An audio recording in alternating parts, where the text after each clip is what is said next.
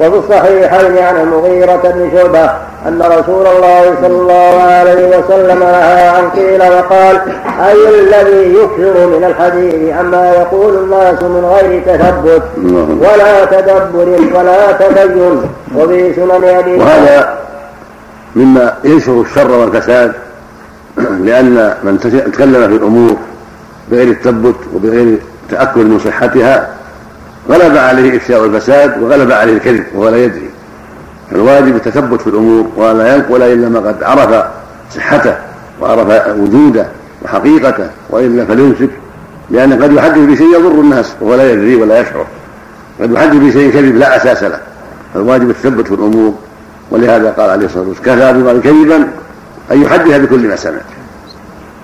يعني كفى في افترائه الكذب كون ينقل كل ما سمع ولا يبالي ولا يتثبت في الأمور.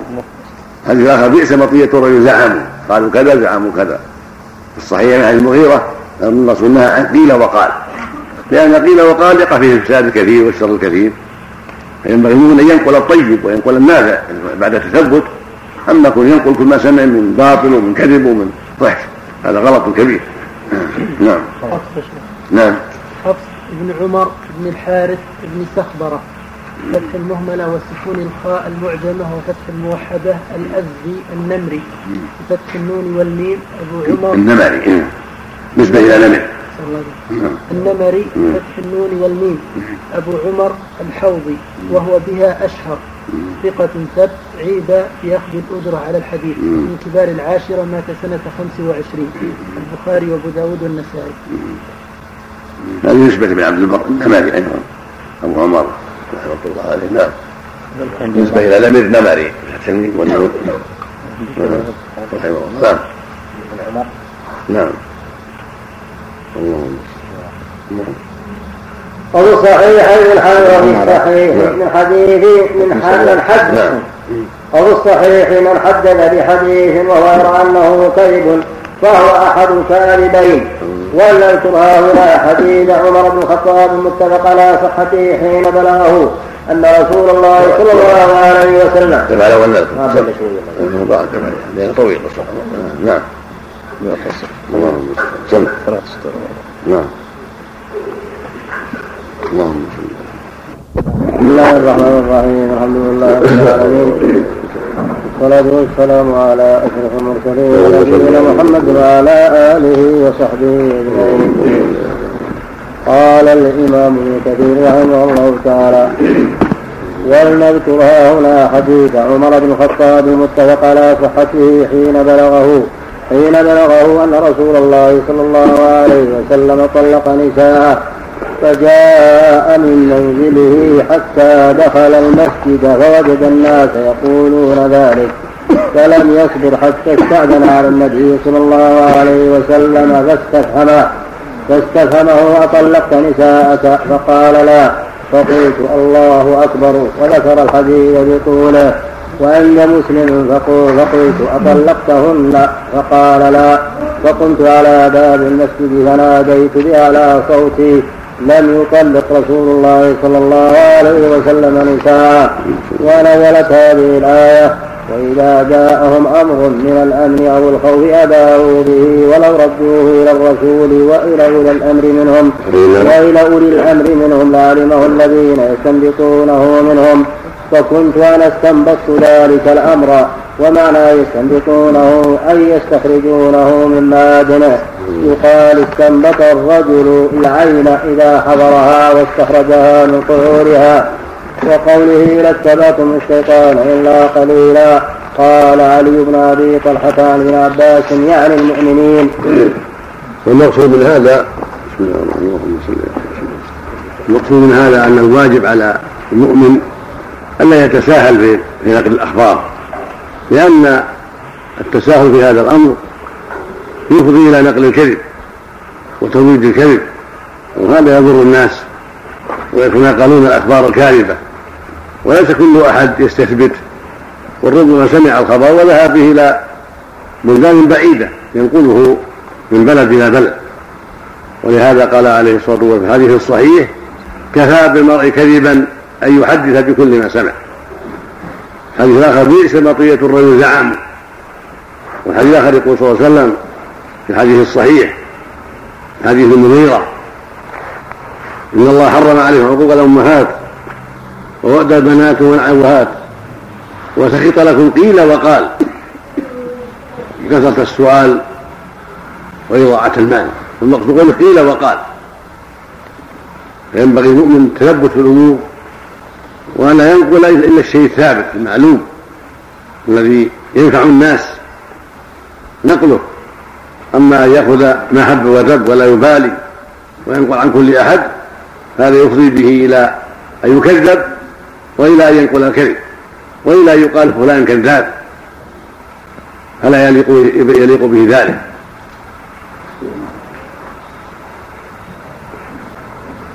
ولهذا مدح الله من تثبت في الأمور ولم يعجل.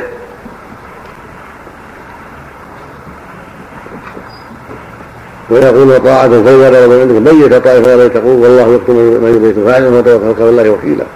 أفلا يتدبر القرآن ولو كان من عند غير الله؟ لوجدوا فيه اختلافا كثيرا. وإذا جاءهم أمر من الأمن والخوف دعوا به ذنب له معين. ولو ردوه إلى الرسول وإلى أولي الأمر منهم لعلمه ليستنبطوا له منهم. لو ردوا الأخبار وما يقولون الناس. إلى ما جاء في كتاب الله وسنة الرسول عليه الصلاة والسلام لعلمه أهل الحق أهل الاستنباط أرباب العلم والفضيلة أرباب العناية والتثبت. سيستنبطون الأمور من أصولها ويأخذونها من حقائقها ولا ينقلون الشيء الذي لا صحة له ولا أساس له بل يتثبتون في الأمور ويستنبطون الأمور حتى يوضحوا الحق. وحتى ينقلوا الحق ويرشدوا الناس إلى الحق. صافيا نقيا سليما. نعم. لفظ الحديث. يقال المرء يكمل أو كذبا؟ أو فيه اللفظان هذا وهذا ليحفظ كذبا. نعم. نعم. وقال عبد الرزاق عن معمر عن قتادة لاتبعتم الشيطان إلا قليلا يعني كلكم. واستشهد من نصر هذا القول بقول الترماح بن حكيم في مدح يزيد بن المهلب أشم نبي كثير النوادي. أشم أشم. أشم نبي كثير النوادي قليل المثالب والقادحة. يعني لا مثالب له ولا قادحة فيه. وقاتل في سبيل الله لا تكلف الا نفسك وحرض المؤمنين عسى الله ان يكف باس الذين كفروا والله اشد باسا والله اشد باسا واشد تنكيلا من يشفع شفاعة حسنة يكن له نصيب منها ومن يشفع شفاعة سيئة ومن يشفع شفاعة سيئة يكن له كفل منها وكان الله على كل شيء مقيتا وإذا حييتم بتحية فحيوا بأحسن منها وردوها إن الله لا أن الله كان إن الله كان على كل شيء حسيبا. الله لا إله إلا ولا يجمعنكم إلى يوم القيامة لا ريب فيه. الله. الله لا إله إلا هو. ليجمعنكم إلى يوم القيامة لا ريب فيه ومن أصدق من الله حديثا. يأمر تعالى عبده ورسوله محمدا صلى الله عليه وسلم بأن يباشر القتال بنفسه ومن نكل عنه فلا عليه منه. ولهذا قال لا تكلم إلا نفسك. قال ابن أبي حاتم حدثنا أبي حدثنا محمد بن عمرو بن نبيع حدثنا حكام حدثنا الجراح. حدثنا حكام. اول حدثنا حدثنا محمد بن عمرو بن نبيع أول شيء حدثنا ابي قال ابن أبي حاتم. حدثنا ابي حدثنا محمد بن عمرو بن نبيع كذا. يمكن عنده بيت التصريف شوف تقريب. حدثنا أبي حدثنا محمد بن عمرو بن نبيح. نعم. حدثنا حكام حدثنا الجراح الكندي. عن أبي إسحاق قال سألت البراء بن عازب عن عن الرجل يلقى المئة من العدو ويقاتل فيكون ممن قال الله به ولا تلقوا بأيديكم إلى التهلكة. قال قد قال الله تعالى لنبيه فقاتل في سبيل الله لا تكلف إلا نفسك وحرد المؤمنين. ورواه الإمام أحمد عن سليمان بن داود عن أبي بكر بن عياش عن أبي إسحاق قال قلت للبراء الرجل يحمل على المشركين أهو ممن ألقى بيده إلى التهلكة قال لا. إن الله بعد رسوله صلى الله عليه وسلم وقال وقاتل في سبيل الله لا تكلف إلا نفسك إنما ذلك في النفقة. وكذا رواه ابن مردوي من طريق أبي بكر بن عياش وعلي بن صالح عن أبي إسحاق عن البراء به ثم قال ابن مردوي حدثنا سليمان بن أحمد حدثنا أحمد بن الناظر العسكري حدثنا مسلم بن عبد الرحمن الحرمي. حدثنا محمد بن حمير حدثنا سفيان الثوري. حدثنا ثم قال ابن ثم قال ابن مردويه. حدثنا سليمان بن أحمد. حدثنا أحمد بن النضر العسكري. حدثنا مسلم بن عبد الرحمن الحرمي. حرمي بن مين؟ هو الحرشي. أنا عندي الحرمي عندنا نسخه الجرمي جرمي اي نعم بالتاء اي نعم. بالتاء في غرض الحرب الشين محمد بن محمد بن حدثنا سليمان بن أحمد. نعم. حدثنا أحمد بن الله العسكري. نعم. حدثنا مسلم بن عبد الرحمن الحرمي. شوف مسلم. مسلم عبد الرحمن. الأول ما يا شيخ محمد بن عمرو. بن ما ما وجدتوه لكن جدة موجود يا شيخ. نعم. جدة يقول في التقريب بن بيح بمهمله مصغرة. بن عبد الله العنزي بفتح المهمله والنون ثم زاي أبو عمرو الكوفي. نعم. مقبول من الثالثة إيه. الأربعة. بالتصغير نعم. شوف هذا محمد عبد الله؟ الحرفي الجرمي نعم. نعم. محمد بن عبد الرحمن. حدثنا سفيان مسلم. سليمان مسلم بن عبد الرحمن. حدثنا سفيان الثوري عن أبي إسحاق عن البراء. قال لما نزلت على النبي صلى الله عليه وسلم وقاتل في سبيل الله لا تكلف إلا نفسك وحرر المؤمنين الآية. قال لأصحابه قد أمرني ربي بالقتال فقاتلوا حديث غريب. وقوله وحرر المؤمنين على القتال ورغبهم فيه وشجعهم عليه. المعنى المعنى أن قتال الرجل للجماعة لا يسمى إقام بيد التهلكة وليس وليس انتحارا والمؤمن يحمل على الجماعة في سبيل الله وإن كان وحده في أي جهة من الجهات أو في أي قسم من الأقسام ليس بإلقاء بيد التهلكة ولكن ينبغي ينظر في المصلحة كانت المصلحة تقتضي ذلك وإلا فليقف ولا يغرد المسلمين ويهوتهم نفسه ومصلحته. فإذا رأى أن المكان مناسب للهجوم رأى أن حمله عليهم أصلح للمسلمين حمل عليهم وكم من شخص واحد حمل على أمة هازمها وأيده بنصر الله عز وجل. قد يؤيد الإنسان بالذعر من المقابل فلا يثبت وينهزم. وقد وقع في جيوش المسلمين من هذا عجائب وغرائب للشجعان. وغالبا الشجاع لا يقف في طريقه أحد وإن كانوا كثيرين. لأن الشجاع يعرفون أنه يقدم ويضرب فلهذا ينهزمون أمامه ويذهبون أمامه يتفرقون. الحاصل أن حمله على الجماعة لا يسمى انتحارا ولا يسمى إقامة التهلكة وإنما التهلكة تأخر وجبن. نعم. شيخ مسلم بن عبد الرحمن ما هو موجود؟ موجود راجع في تاجيل أو ميزان حط عليه اشاره على حوادث نعم. وقوله وحرم المؤمنين على القتال ورغبهم فيه وشجعهم عليه كما قال لهم صلى الله عليه وسلم يوم بدر. كما قال لهم صلى الله عليه وسلم يوم بدر وهو يسوي الصفوف. قوموا إلى جنة عرضها السماوات والأرض. عرضها السماوات والأرض. وقد وردت أحاديث كثيرة في الترغيب في ذلك. فمن ذلك ما رواه البخاري عن أبي هريرة. قال قال رسول الله صلى الله عليه وسلم من آمن بالله ورسوله وأقام الصلاة وآتى الزكاة وصام رمضان كان حقا على الله أن يدخله الجنة. هاجر في سبيل الله وجلس في أرضه التي ولد فيها. قال يا رسول الله أفلا نبشر الناس بذلك؟ فقال إن في الجنة مئة درجة أعدها الله للمجاهدين في سبيل الله.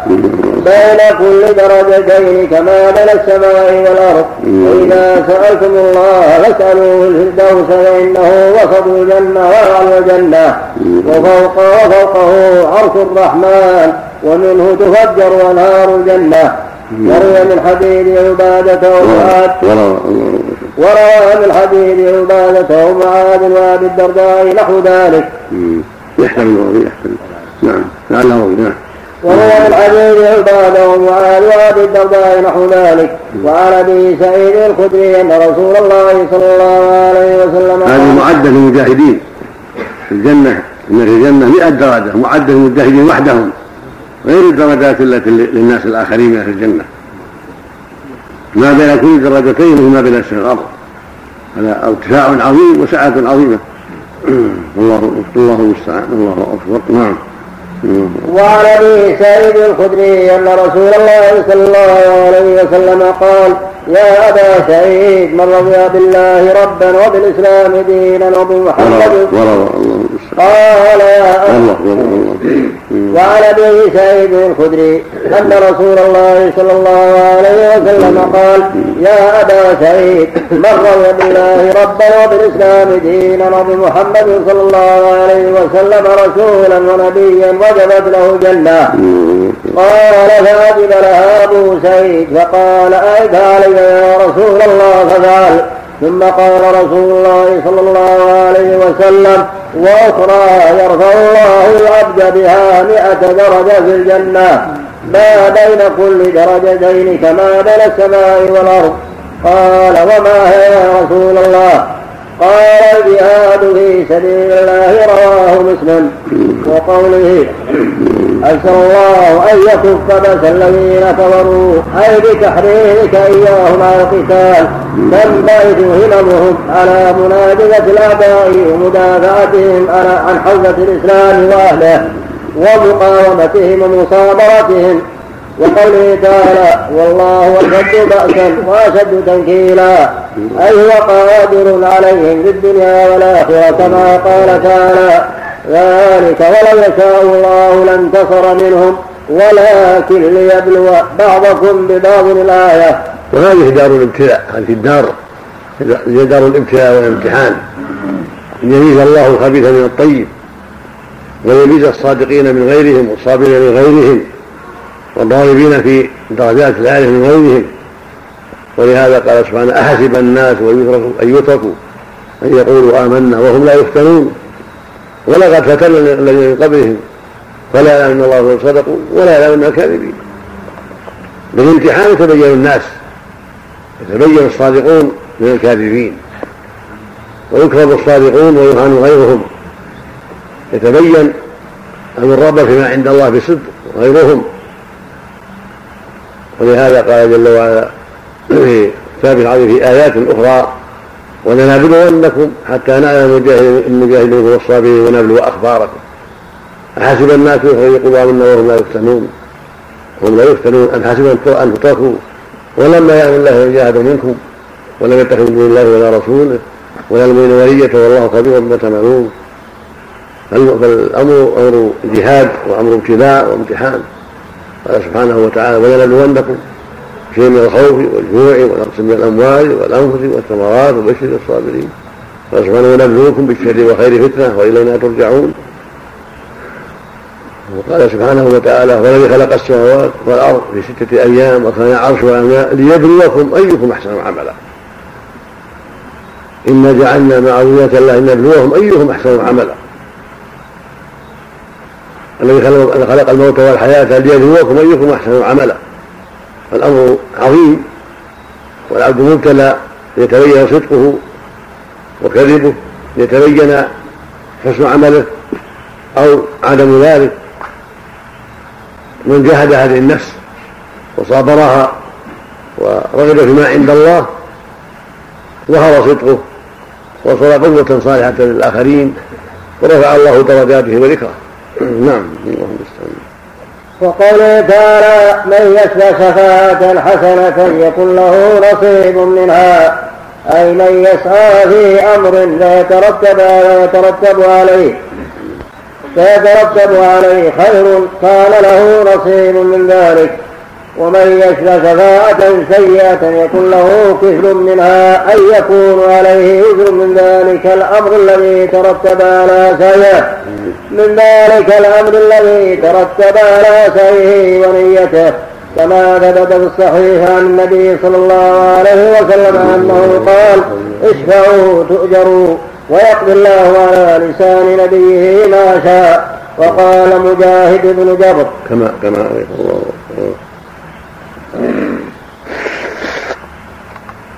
وروى كما ثبت في الصحيح عن النبي صلى الله عليه وسلم أنه قال اشفعوا تؤجروا ويقضي الله على لسان نبيه ما شاء وقال مجاهد بن جبر نزلت هذه الآية في شفاعات الناس بعضهم لبعض وقال الحسن البصري ينبغي المؤمن ألا يحزن إذا لم تقبل شفاعته وألا يتكدر؟ يشفع يبذل المعروف إذا رأى الشفاعة مناسبة. رحمك الله. ولا يضره ولا يرد. لو شفع ثم رد ولم تقبل شفاعته ما يضره. اشفعوا تؤجروا ويقضي الله على لسان نبيه ما شاء. أنت مأجور. قبلت شفاعته أم ردت؟ لا يضرك وقد ثبت عنه صلى الله عليه وسلم أنه شفع. إلى خادمة عنده إلى ضريرة خادمة عنده. شفع إليها فلم تقبل. قال رسول تأمرني أو تشفع قال لا ما أمرك ولكن أشفع. قالت ما لي حاجة. في زوجها الذي عتقت تحته. امرأة جارية خادمة عندهم عتقت خيرها النبي صلى الله عليه وسلم. بين نفسها وبين زوجها عبد يقال له مغيث. فأبت واختارت نفسها. وأبت أن ترجع إليه. وكان يبكي عليها كثيرا ويمشي في الأسواق يبكي يريدها. فأبت فرحمها النبي صلى الله عليه وسلم فرحمه النبي صلى الله عليه وسلم وجاء إليها وغيا بريرا لعلك ترجعين إليه. قال تأمرني؟ قال لا بل أشفع. قالت لا حاجة لي فيه. ولم يقل لها شيء صلى الله عليه وسلم ولم يتكدر ولم يعنفها. فإذا شفع إلى شخص في إمهال مؤسر في قضاء دين في عفو عن حق فلم يقبل فلا حرج. نعم. وقال الحسن البصري قال الله تعالى من يشفع ولم يقل من يشفع وقوله وكان الله على كل شيء مقيتا ولم يقل. يشفع إذا حسن قال من؟ قال وقال الحسن البصري. قال الله تعالى من يشفع ولم يقل من يشفع. وقال يعني هذه نعمة من الله يشفع. الحمد لله نعم. جعل وعد والخير لمن يشفع. أما من يشفع فهذا محل نظر إذا شفعه لله وطلب الأجر فله أجر. وخير وإذا لم يشفعه أو نهره أو تكلم عليه فلا يضر الضر على المانع نعم. وقوله وكان الله على كل شيء مقيتا. قال ابن عباس وعطاء وعطية وقتادة ومطر والراق مقيتا أي حفيظا وقال مجاهد شهيدا وفي رواية عن حسيبا وقال سعيد بن جبير والسدي وابن زيد قديرا وقال عبد الله بن كثير المقيت المواظب وقال الضحاك مقيت الرزاق وقال ابن أبي حاتم حدثنا أبي حدثنا عبد الرحيم بن مطرف حدثنا عيسى بن يونس عن إسماعيل عن رجل عن عبد الله بن رواحة وسأله رجل عن قوله تعالى وكان الله على كل شيء مقيتا. قال مقيت لكل إنسان بقدر عمله. وقوله وإذا حييتم بأحد تحية فحيوا بأحسن منها أو ردوها الله الله نعم الله. اكبر الله المستعان. الله المستعان. بسم الله الرحمن الرحيم. الحمد لله رب العالمين والصلاة والسلام على أشرف المرسلين. نبينا محمد وعلى آله وصحبه أجمعين.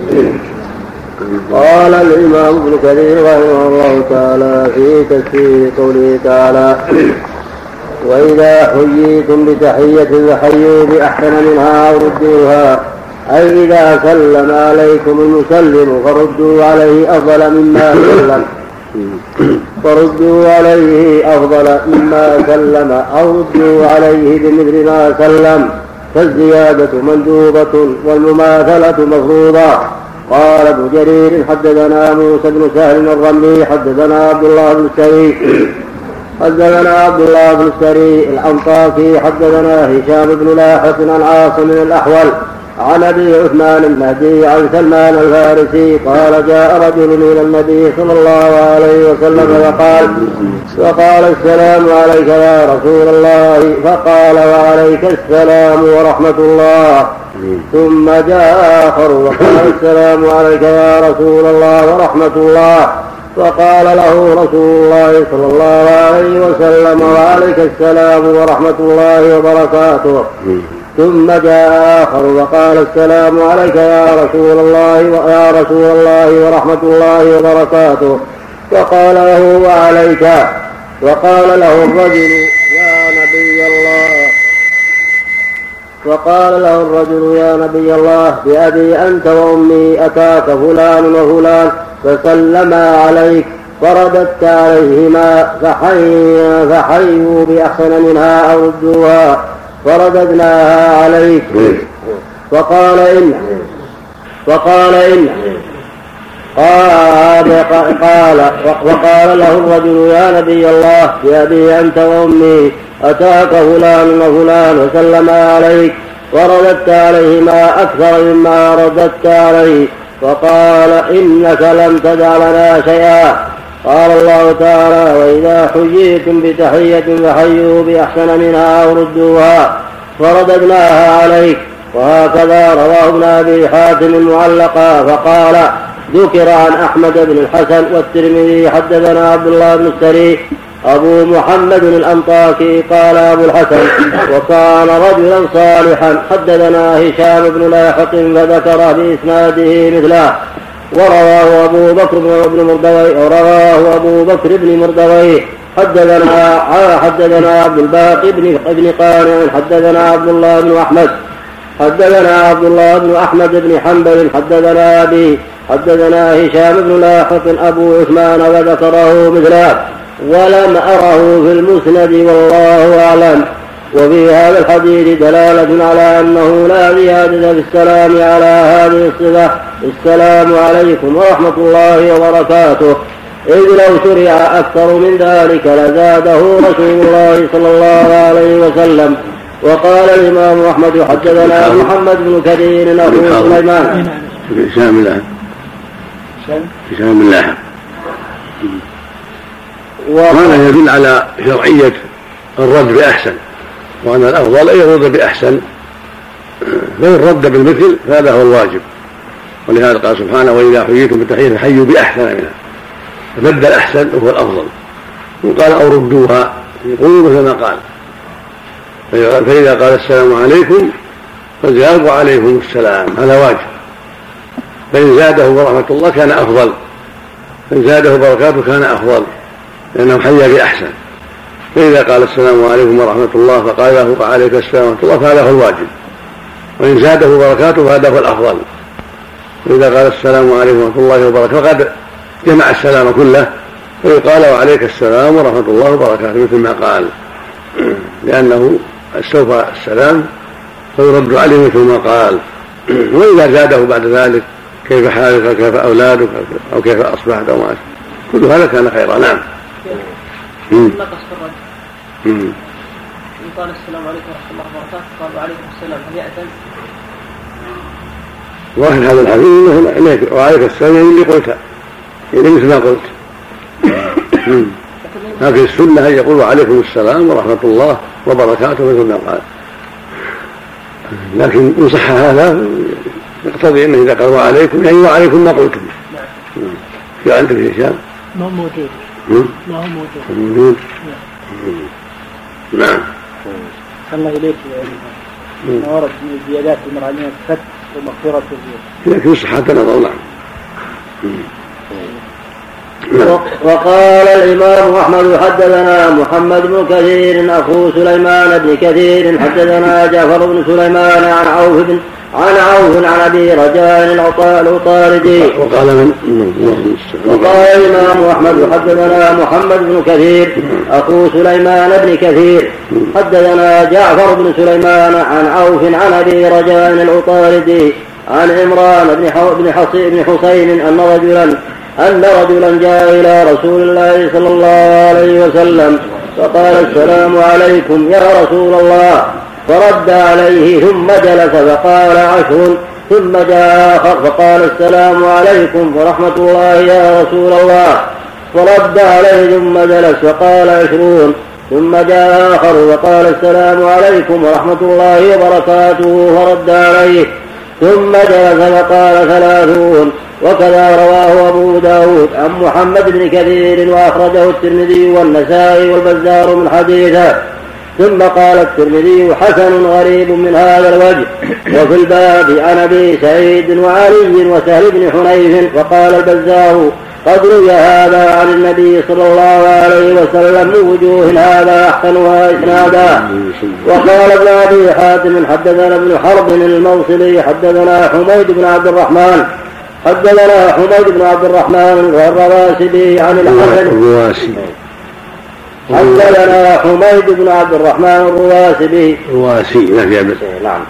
الرواسي عن الحسن بن صالح عن سماك عن أكرمة عن ابن عباس قال من سلم عليك من خلق الله فاردد عليه وإن كان مجوسيا ذلك بأن الله يقول فحيوا بأحسن منها ردوها وقال قتادة فحيوا بأحسن منها يعني للمسلمين أردوها يعني لأهل الذمة وهذا التنزيل فيه نظر كما تقدم في الحديث. منع من من أن المراد أن يرد بأحسن بأحسن مما حياه بأن يرد أن يرد بأحسن مما حياه به. فإن بلغ المسلم غاية, غاية ما شرع بالسلام رد عليه مثل ما قال. فأما أهل الذمة فلا يبدأون بالسلام ولا يزادون. بل يرد عليهم بما ثبت الصحيح عن ابن عمر أن رسول الله صلى الله عليه وسلم قال إذا سلم عليكم اليهود وإنما يقول أحدهم السلام عليكم فقل وعليك في صحيح مسلم عن أبي هريرة أن رسول الله صلى الله عليه وسلم قال لا تبدأوا اليهود والنصارى بالسلام وإذا لقيتموهم في طريق فاضطروهم إلى أضيقه وقال سفيان الثوري عن رجل عن الحسن البصري قال السلام تطوع والرد فريضة. وهذا الذي قاله هو قول العلماء قاطبة أن الرد واجب على من سلم عليه فيأثم إن لم يفعل لأنه خالف أمر الله في قوله فحيوا بأحسن منها وردوها وقد جاء في الحديث الذي رواه أبو داود بسنده إلى أبي هريرة قال قال رسول الله صلى الله عليه وسلم والذي نفسي بيده لا تدخلوا الجنة حتى تؤمنوا ولا تؤمنوا حتى تحابوا. أفلا أدلكم على أمر إذا فعلتموه تحاببتم؟ أفتوا السلام بينكم. وقوله الله لا إله إلا هو. الله لا إله إلا هو. إخبار بتوحيده وتفرده بالإلهية لجميع المخلوقات. وتضمن قسما بقوله ليجمعنكم إلى يوم القيامة لا ريب فيه. وهذه اللام موطئة للقسم فقوله الله لا إله إلا هو خبر وقسم إنه سيجمع الأولين والآخرين في صعيد واحد ويجازي كل عامل بعمله. وقوله تعالى ومن أصدق من الله حديثا أي لا أحد أصدق منه في حديثه وخبره ووعده ووعيده. ولا إله إلا هو ولا رب سواه. فما لكم بالمنافقين فئتين والله أركسهم بما كسبوا. أتريدون أن تهدوا من أضل الله ومن يضلل الله ولن تجد له سبيلا. الحديث هذا في أبي داود فقط أو في الصحيحين قبل أي حديث. قد جاء في الحديث الذي رواه. أبو داود بسنده. الحديث الذي رواه أبو داود بسنده إلى أبي هريرة. قال قال رسول الله صلى الله عليه وسلم والذي نفسي بيده لا تدخلوا الجنة حتى تؤمنوا. ولا تؤمنوا حتى تحابوا أفلا أدلكم على أمر إذا فعلتموه تحاببتم أفشوا السلام بينكم. نعم ذلك الصحيح صحيح مسلم أبي هريرة ويعرف عن الزبير أيضا بن عوام. نعم. كان غاب عن المؤلف نعم. نعم. نعم. يقول هذا بي... هذا بياض بالأصل. هنا بياض بالأصل. وما بين القوسين ثابت في بعض النسخ فليراجع لفظ الحديث الترغيب والترهيب الحافظ المنذري. بس. نعم. رواه مسلم. صحيح. نعم. اللهم صل على نعم. صباح الخير. ان هذا كان قبل النسخ. كان النبي صلى الله عليه وسلم اولا ممنوعا من القتال. حين كان بمكه والحكمة في ذلك والله أعلم عدم القدرة. لأن المسلمين مستضعفون في مكة والأمر لغيرهم. فأمرهم الله بالصفح والعفو والدعوة من دون قتال. فلما هاجر المسلمون إلى المدينة وهاجر النبي صلى الله عليه وسلم المدينة أذن لهم في القتال. وكان ذلك في حق الدفاع. يقاتلون من قاتله ويكفون عن من كف عنه. ثم لما عز الله عز الله الإسلام وظهر الدين وصار المسلمين كلمة ودولة وقوة شرع الله القتال بدءا ودفاعا جميعا. فيقاتلون أعداء الله دفاعا إذا قاتلوهم ويتقدمون أيضا بالجهاد والقتال لهم وإن لم يقاتلوا حتى يدخلوا في الإسلام أو يؤدوا الجزيه عن يد وهم صاغرون كما قال الله جل وعلا فاذا انسلخ الأشهر الحرم فاقتلوا المشركين حيث وجدتموهم وخذوهم واحصوهم واقعدوا لهم كل مرصد فإن تابوا وأقاموا الصلاة وآتوا الزكاة فخلوا سبيلهم ولم يقل أو كفوا عنكم. قال فإن تابوا وأقاموا الصلاة وآتوا الزكاة فخلوا سبيلهم ودل عنه لا يخلى سبيلهم الكف بل لا يخلى سبيلهم إلا بالدخول في الإسلام أو ببذل الجزيه إن كانوا من اهلها كاليهود والنصارى والمجوس كما في أهل البراءة حتى يعطوا الجزيه عن وهم صاغرون. هذا هو الذي استقر عليه الأمر. في الشريعة الإسلامية أن إذا كان المسلمون أقوياء فهم مأمورون بالقتال والجهاد بدءا ودفاعا. وإذا ضعفوا صاروا مأمورين بالقتال دفاعا. وإذا كانوا في محل يعجزون يعجزون فيه عن القتال صار المشروع لهم الدعوة فقط والكلام والإعراض عمن خالفهم. وهذا قد سماه بعضهم نسخا وآخرون لم يسموه نسخا ولكنه مراعاة للأوضاع وتمشي مع قوة المسلمين وضعفهم.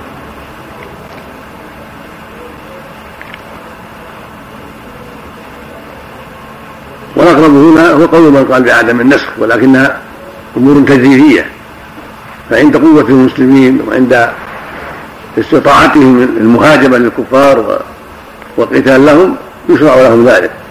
وعند الضعف والعجز إنما يجب عليهم الدفاع. نعم.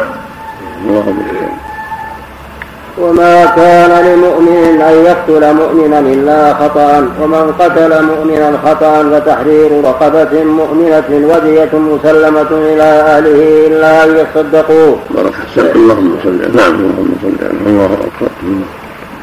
أحسن الله إليكم. نعم. أليس الله سبحانه قادر أن ينصرهم وإن كانوا قلة يا شيخ؟ لو كان صلى إذا أراد الله سبحانه وتعالى لهم العز هل ينصرهم أن كان صلى هو ناصرهم يستطيع ينصرهم ولو كان واحد يستطيع أن يملك الكفار في ساعة واحدة. نعم. لكنه يبتلي عبادة بهؤلاء وهؤلاء؟ قال تعالى ذلك ولو يشاء الله لانتصر منهم ولكن يبلو بعضكم ببعض. هذا ابتلاء وامتحان. ولو شاء لقتل الكفار مرة واحدة. لكنها حكمة بالغة يبتلي هؤلاء بهؤلاء. فعند ضعف المسلمين لا يجب عليهم القتال والبدء. وإذا قواهم الله وصاروا في محل يستطيعون فيه المهاجمة والقتال شرع لهم ذلك. نعم. بسم الله الرحمن الرحيم. الحمد لله رب العالمين والصلاة والسلام على أشرف المرسلين. نبينا محمد وعلى آله وصحبه أجمعين. قال الإمام ابن كثير رحمه الله تعالى في تفسير قوله تعالى وما كان لمؤمن أن يقتل مؤمنا إلا خطأ ومن قتل مؤمنا خطأ فتحرير رقبة مؤمنة فتحرير رقبة مؤمنة ودية مسلمة إلى أهله إلا أن يصدقوا وإن كان من قوم عدو لكم وهو مؤمن. فإن كان من قوم عدو لكم وهو مؤمن وتحرير رقبة مؤمنة وإن كان من قوم بينكم وبينهم ميثاق فدية مسلمة إلى فدية مسلمة إلى أهله وتحرير رقبة مؤمنة. فمن لم يجد وصيام شهرين متتابعين توبة من الله وكان الله عليما حكيما. ومن يقتل مؤمنا متعمدا فجزاؤه جهنم خالدا فيها وغضب الله عليه ولعنه وأعد له عذابا عظيما. يقول تعالى ليس لمؤمن أن يقتل أخاه المؤمن لن يقول تعالى ليس لمؤمن أن يقتل أخاه المؤمن بوجه من الوجوه كما ثبت في الصحيحين عن ابن مسعود أن رسول الله صلى الله عليه وسلم قال لا يحل دم امرئ مسلم يشهد أن لا إله إلا الله وأني رسول الله إلا بأحد ثلاث النفس بالنفس النفس بالنفس والسيب الزاني والتارك لدينه. المفارق للجماعة. ثم إذا وقع شيء من هذه الثلاث فليس لأحد من أحد الرعية. فليس لأحد من أحد الرعية أن يقتله وإنما ذلك إلى الإمام أو نائبه وقوله إلا خطأ قالوا هو استثناء منقطع كقول الشاعر من معنى هذا أن الله جل وعلا حرم على الناس دماءهم. وليس لاحد يقتل احدا إلا بحق. ثم إذا وجب الحق فالذي يتولى ذلك هو ولي الأمر. كان قصاصا قصاصا كان حدا حدا فولي الأمر ونائبه من القضاة والأمراء بعدما يثبت الحكم الشرعي هم يتولون ذلك. وليس لأفراد الرعية أن يتعدى على أحد. بل ذلك إلى ولاة الأمور لأن ذلك هو الواجب عليهم تنفيذ ما أوجب الله سبحانه وتعالى من قصاص أو حدود. ولهذا قال لا يحل دم مسلم يشهد أن لا إله إلا الله وأن رسول الله بإحدى ثلاث. لا يحل مسلم قد التزم الإسلام واستقام على الإسلام. ليس له شيء من هذه الثلاث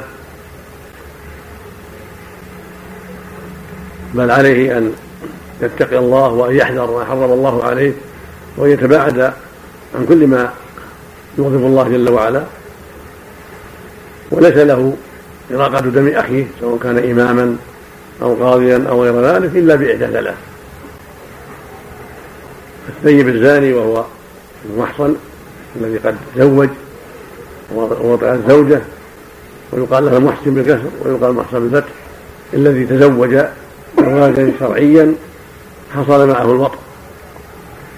هذا هو الثيب والنفس والنفس.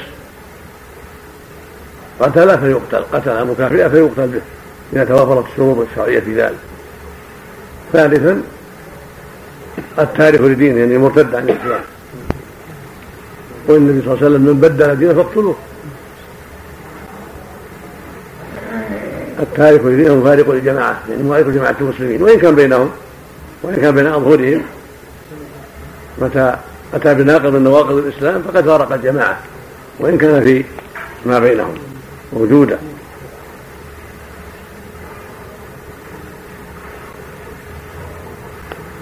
وهذه الثلاث تجمع أسباب القتل. فإن التارك الدين يدخل في جميع أنواع المرتدين. كل أنواع المرتدين داخلون في التارك للدين المفارق للجماعة.